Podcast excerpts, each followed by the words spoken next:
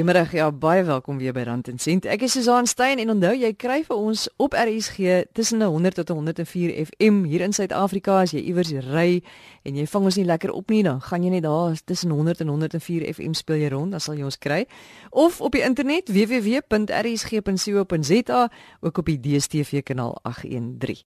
Statistiek Suid-Afrika se kwartaalsyfers toon dat daar in die tweede kwartaal van jaar 67000 mense was wat hulle werk verloor het. Ongelukkig wanneer sakeondernemings begin nou strop trek, is personeel dikwels die eerste plek waar daar besny moet word. En ons gaan bietjie later in die program kyk hoe jy en jou personeel kan saamwerk om dit te probeer voorkom.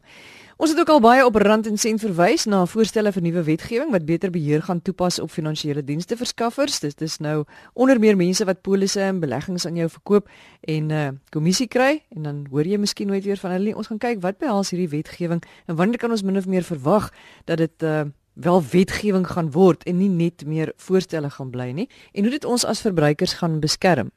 En dan het ons verlede week gepraat oor lewensversekering. Wanneer weet jy dat jy vir jou lewensversekering moet uitneem? 'n Baie belangrike aspek van lewensversekering is egter openbaarmaking. Daaroor het ons nie gepraat nie. En openbaarmaking beteken basies dat jy alles van jouself moet sê wanneer jy of moet openbaar maak wanneer jy 'n polis uitneem. Nou Dion Marits is 'n finansiële adviseur en Dion, miskien moet jy net vir ons presies sê wat beteken openbaarmaking? Dit beteken jy jy vertel mense wat wie jy is. Het jy familiegeskiedenis van siekte?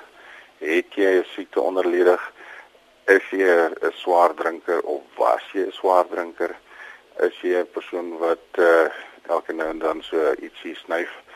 Al daai goed beïnvloed jou risiko as persoon om al vroeg dood te gaan of vroeg ongeskik te raak, hartaanvalle te kan kry. Ek het byvoorbeeld 'n kliënt gehad wat en nou klaar in die hospitaal lê met 'n beroerte. Toe sy ma vir hom kom kyk en sê sy nou maar het jy nie 'n pilletjie gedrink nie. Sê ma, wat 'n pilletjie? Sy sê maar die hele familie sukkel met beroerte en ons almal drink hierdie pilletjies om ons bloeddruk dun te maak. Toe sy antwoord maar ma, jy het my nooit gesê nie. So dis baie belangrik om openbaarmaking op die regte plek alles reg te doen. Hoekom is dit so noodsaaklik dat hulle so alles van jou moet weet? Gaan oor die tarief en die regverseker wat die basis van die kontrak gaan wees. 'n uh, Persoon wat uh, siekte onderlede het, moet dit openbaar sodat die regte tarief betaal word indien die versekerings aangebied word. So met ander woorde my ouderdom gaan 'n rol speel in my premie. As ek 30 jaar oud is, gaan ek minder betaal as wat ek 50 jaar oud is. En as ek gesond is, gaan ek minder betaal as wat ek siek is. Op die basis van ouderdom definitief. Op die basis van gesondheid gaan die keuse by die versekeraar lê. Gaan ek dit verseker? As ek dit gaan verseker, gaan ek teen 'n hoër premie gee, ja of nee? Of gaan ek dit heeltemal uitsluit? Met ander woorde, dit is ernstig genoeg dat ons dink jy gaan probleme kry met hierdie hierdie kondisie en dan sluit hulle dit uit of hulle laat jou meer betaal vir dit. En tref die versekeraar onderskeid tussen verskillende soorte siektes? Sê nou maar iemand het hoë bloeddruk of iemand het dalk die potensiaal om 'n hartaanval te kry of iemand is HIV positief. HIV kan ons nou nie onder dieselfde kam skeer as iemand wat nie HIV het nie. HIV is 'n is 'n virus wat aanvanklik mense net voor die voet doodgemaak het en dekking was nie aangebied nie. Soos wat kennis opgeneem is en die virus verstaan word, is daar maatskappye wat dekking begin gee het. Ons is nou by 'n punt waar dekking baie goedkoper is, maar nog steeds duurder is as die normale of die nie HIV persoon nie. So, HIV persoon moet fisies instap en sê ek wil versekerings hê en dan openbaar die persoon aan die maatskappy wat is aan die gang in sy lewe. Maar dit geld vir enige iemand wat 'n siekte onderlede het of 'n gevreesde siekte het. Definitief. Die basis van die kontrak is eerlikheid. Wees eerlik met hulle. Hulle laat jou betaal vir wat jy wil verseker en jy's meer verseker van 'n positiewe uitbetaling as iets met jou gebeur. Maar wat gebeur nou as jy nou nie al die inligting gee nie of jy vergeet iets of jy is nou net nie eerlik nie. Jy besluit net jy gaan stil bly oor iets want miskien gaan niemand dit uitvind nie en dis dalk nie so belangrik nie. Gewoonlik kom dit uit by 'n stadium En wanneer dit by eisstadium uitkom, dan vat die vir die versekeraar daai inligting en hy sê wat sou my besluit gewees het in terme van die versekering en die premie vir hierdie persoon as ek dit geweet het. As hy dit geweet het en besluit het nee, ek sal nie versekerings aanbied nie, dan verloor hierdie persoon sy eis. Met ander woorde, al daai geld betaal vir niks. Wanneer die versekeraar sê, "Wow, met hierdie inligting sou ons nog steeds versekerings aangebied het, maar ons sou dit vir 'n hoër premie gedoen het." Dan sou hulle gaan uitwerk hoeveel ekstra premie sou hulle gekry het. Dit aftrek by die versekerde bedrag en 'n verminderde bedrag uitbetaal na die eis of die eiser. Jy moet blykbaar selfs ook jou lewensversekeraar laat weet wanneer jy van stokperdjie verander of as jy van werk verander. Ekskuus, laat ek nou lag. Ons man het mos hierdie man crisis tipe goeders waar ons wil gaan botery en gaan visvang en nou sit jy met 'n rekenkundige wat heeldag op kantoor gesit het en volgende jaar dan sy nou 'n visser aan nou 'n boot gekoop en hy het uh, besluit dis nou sy manier om af te tree. So sy lewensrisiko kans om dood te gaan het verhoog. So hy moet dit teëgee na sy versekeraar toe sodat die premie aangepas kan word om hierdie ekstra risiko wat aangegaan word te kan befonds. En as jy nou nooit iets gewaags doen nie, maar skielik gaan jy nou met vakansie en jy is met mense en hulle sê vir jou, "Nee, kom ons gaan al hierdie goed doen en jy gaan valskerm spring en jy is op 'n boot en jy doen allerlei wilde goed en iets gebeur, wat dan?" Een keer valskerm spring om te gaan kyk, een keer op 'n boot klim, een keer gaan jag. Nee, dis nie dis nie nodig nie, maar as jy dit gereeld begin doen, as dit lekker raak en jy wil gaan valskerm spring en jy spandeer jou geld om ordentlik te leef, dan is dit ernstig en dan het jy risiko verhoog. Maar sien nou maar jy was nou jare gelede by 'n mediese praktisyn gewees vir een of ander mediese toestand. Jy is behandel, jy het gesond geraak, jy het heeltemal vergeet daarvan. Nou kom jy iets oor. Nou word daai oorsaak van wat met jou gebeur het nou of die oorsaak van jou dood of die oorsaak van jou uh, besering, jy dalk ongeskiktheidsversekering, dit word teruggelei na daai mediese besoek wat jy jare gelede gehad het. Ek dink nou aan sien nou maar aan iemand soos 'n chiropraktisyn.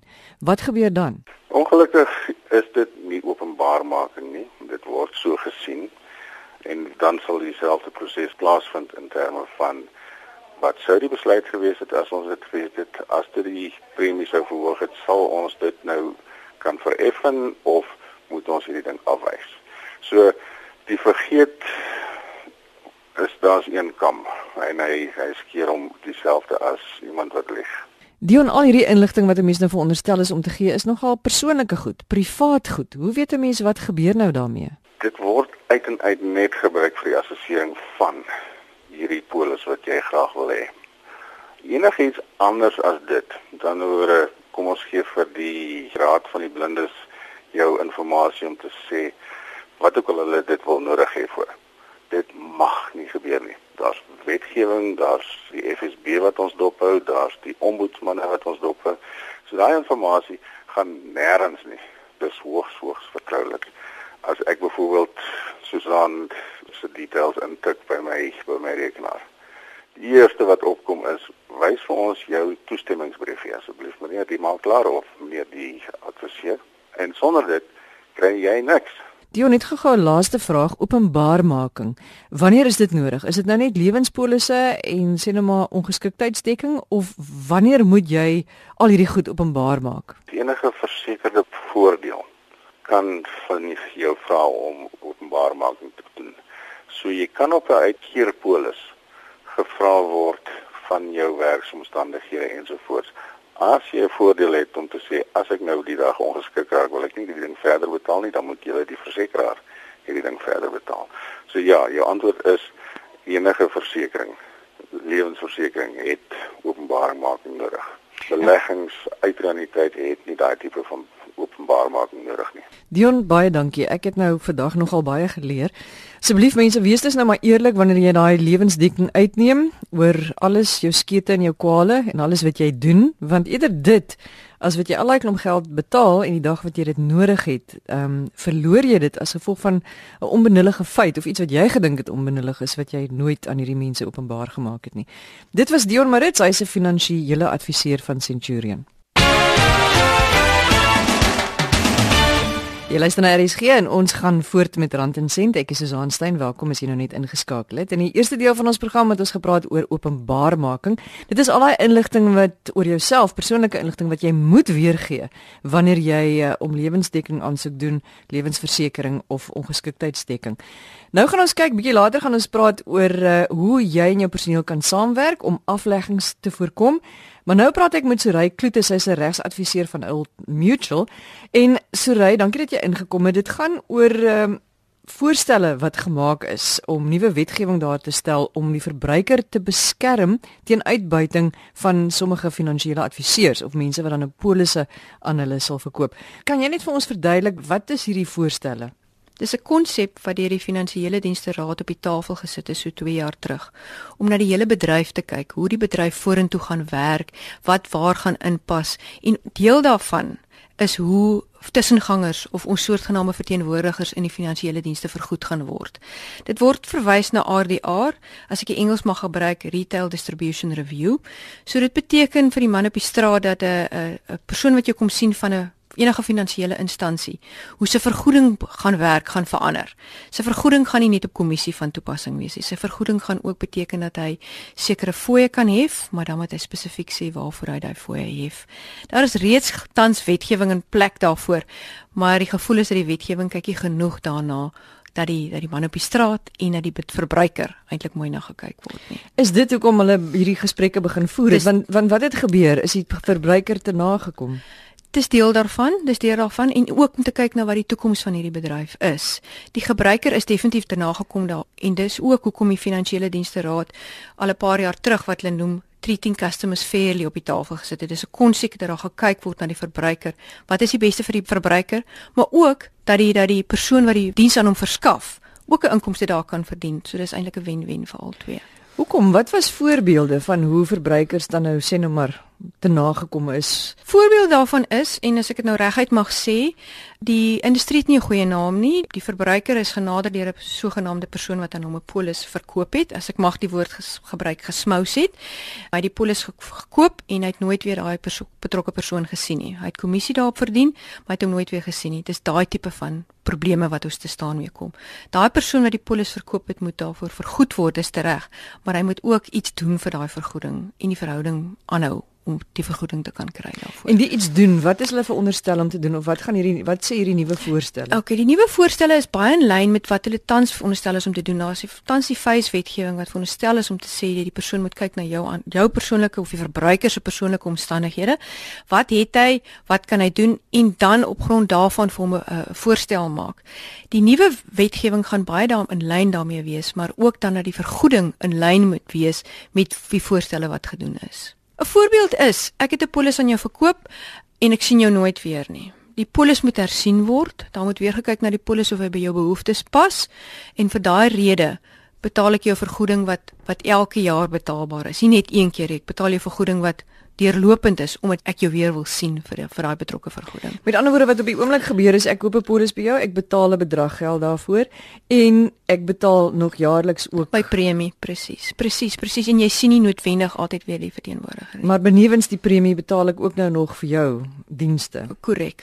En om seker te maak dat vir my dienste wat jy vir my betaal gaan die strukturering van daai betaling aan my verander om seker te maak dat ek wel die dienste aan jou kan lewer. Dink jy nie dit gaan baie van die tussengangers of dan nou die mense wat wat uh, finansiële adviseurs is uitskakel nie? Absoluut, want die die suksesvolle adviseurs wat mooi na hulle kliënte kyk, gaan seker maak en het ook alreeds seker gemaak dat hulle jaarliks byvoorbeeld teruggaan na hulle kliënte om dit te hersien.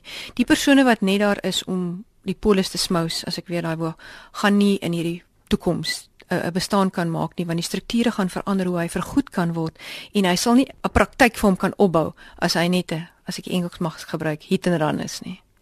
En wanneer verwag julle gaan hierdie wetgewing word? Dit is moeilik om te antwoord want uh dit is 'n ding wat ingefaseer word soos wat die FSB vir ons voorgestel het gaan dit heel waarskynlik in fases oor die volgende 2-3 jaar gebeur. En intussen moet 'n mens nou intussen versigtig wees vir die vir die persoon wat die polis aan jou wil verkoop. Ek sal nie so sê nie, die persoon wat die polis aan jou verkoop kan jy nou vra, wat verskaf jy aan my? Waarvoor betaal ek jou en wat gaan jy vir my watter dienste gaan jy vir my gee vir hierdie betaling wat ek vir jou gaan gee en ook dit op skrif verwag dat die persoon wat dit aan jou verkoop spesifiek aan jou sekere ooreenkomste het van wat hy aan jou gaan verskaf. En waar kan 'n mens gaan as jy ontevrede is en jy voel jy is ingedoen in en of jy weet jy het met iemand te doen en jy voel hier is iets onregmatig aan die gang. Waar kan jy is daar 'n raad of is daar 'n Ja, baie dankie daarvoor. Daar's 'n ombud, 'n langtermyn ombud wat 'n mens kan gaan kla as jy voel jy is ingedoen. Dis een van die maniere wat jy kan by gaan kla of jy kan gaan kla by die FSB oor 'n spesifieke as jy voel jy's ingedoen deur 'n spesifieke persoon, alle verteenwoordigers moet geregistreer wees by die FSB en hulle is geregistreer en as hulle iets verkeerd doen, dan moet daai registrasie verwyder word. Daar moet bewys word dat hulle iets verkeerd gedoen word, so jy kan gaan kla by die FSB of jy kan by die ombud gaan kla as jy 'n spesifieke klagte het van waar jy ingedoen is. En die FSB is die Finansiële Dienste Raad. Korrek. So daai baie dankie. Ek dink die luisteraars sal met my saamstem dat ons as verbruikers kan doen met hierdie ekstra wetgewing en ek dink dit beskerm ook finansiële adviseurs, mense wat regtig omgee, wat regtig harde werk doen om hulle kliënte te help gaan ook hierdeur beskerm word. Dit is Surey Kloete, sy is 'n regsadviseur van Old Mutual. Ons volgende gas is op die lyn, dit is Christo Botha. Hy is van Business Partners Beperk, hy is uitvoerende direkteur by hulle. Christo, moeilike tye ekonomiese tye en in moeilike tye weet ons dat wanneer maatskappye moet begin besnoei, dan is hulle mense of hulle personeel die dikwels die eerste plek waar hulle die skerp begin inlê of uh, afleggings begin doen. En in die eerste of toe ek begin het aan die aan die begin van die program het ek gesê dat Statistiek Suid-Afrika se kwartaalsyfers toon dat daar in die tweede kwartaal verjaar 67000 mense is wat hulle werk verloor het. Hoe lyk die situasie op die oomblik daar buite? Dit het nog nie juis verbeter nie in die tweede kwartaal het, het die ekonomie 'n bietjie kop opgetel maar baie beperk en dit is maar die plek waar baie ondernemings eers te begin snoei by hulle werknemers. So dit raak ons platteland, dit raak ons stedelike gebiede, dit raak ons nywerheidsgebiede en dit skep 'n klimaat wat onrustig is, nê. Nee. En uh dis nie noodwendig altyd wat nodig is in in 'n onderneming nie om eers te dink aan afleggings. Nou julle sê juist daar's 'n hele klompie faktore wat uh jy weet ondernemings eers moet oorweeg voordat hulle by sulke drastiese stappe kom.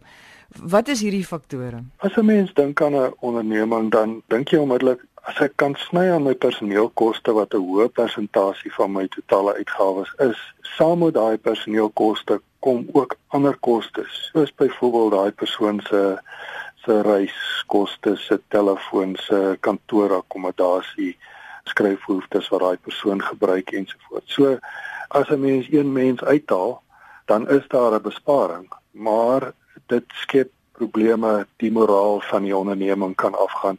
En 'n mens moet veel eerder eers kyk na wat is die kontantvloei van hierdie besigheid? Wat maak hom tik?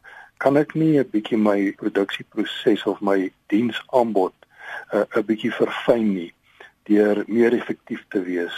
kan is daar nie ander innoverende idees wat ek kan implementeer om kostes te bespaar nie. Kan ek nie my debiteure 'n bietjie vinniger invorder om my kontantvloei aan te help nie. Kan ek nie my kliënte diens verbeter en so 'n voorsprong hê op my kompetisie nie. Kan ek nie op ander oorhoofse kostes begin sny nie. Minery, telefoonkoste afbring, miskien kleiner spasie hier sulke tipe dinge voordat 'n mens begin om mense af te lê. Indien jy nou op 'n punt kom en jy besef maar jy weet hier dinge lyk nie lekker nie, ek sal 'n plan moet maak. Hoe moet jy dan met jou met jou personeel omgaan? Wat is die beste manier om die situasie te hanteer? Daar's 'n prosedurele proses wat moet gebeur.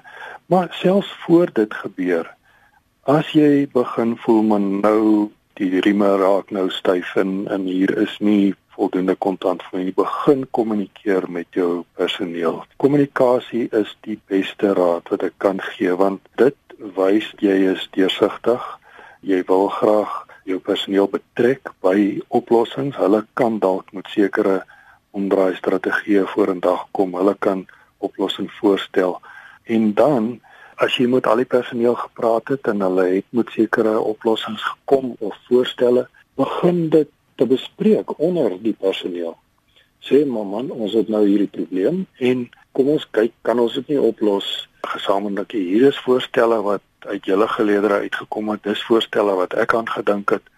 Kom ons oorweeg hulle en wat is moontlik? En baie keer omdat hulle elke dag in hulle spesifieke posisie in die bedryf staan en hulle daai onderneming waarskynlik amper net so goed soos jouself ken, kan hulle met baie goeie voorstelle kom. En ek dink mense kan ook seker maar vir jou personeellede vra, mense bespaar, jy weet, gebruik 'n bietjie minder skryfbehoeftes, kom ons drink 'n bietjie minder tee, kom ons sorg dat die dat ons altyd die ligte afsit wanneer ons dit nie nodig het nie. Dit is absoluut die regte dinge wat moet gebeur. Hulle kom met sulke voorstelle en dit gaan nie oor waar kan ek 'n groot mes nou in lê en uitgawes sny nie. Dit is hierdie klein dingetjies soos die ligte afsit, die ligreëling, die uh, minder skryfboertes gebruik, minder dubbelry, eerder 'n roete uitwerk en net hoe jy jou hele bedryf hanteer, jy weet om ons het daai goeie Engelse woord frugality